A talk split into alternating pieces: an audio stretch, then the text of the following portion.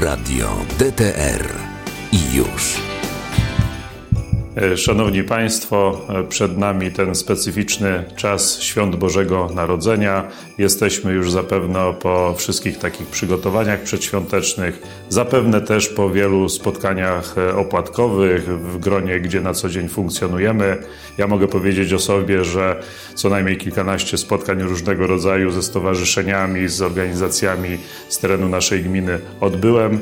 Natomiast przed nami ta najważniejsza część świąt, czyli Wigilia, którą zawsze spędzamy w gronie rodziny i najbliższych, i potem dwa dni świąt.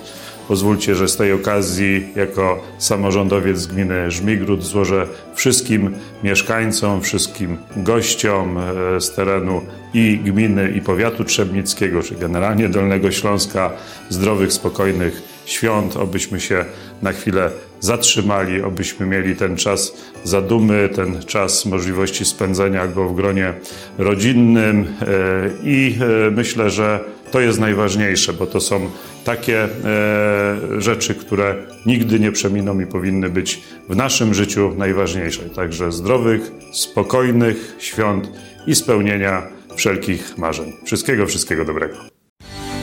Radio DTR i już.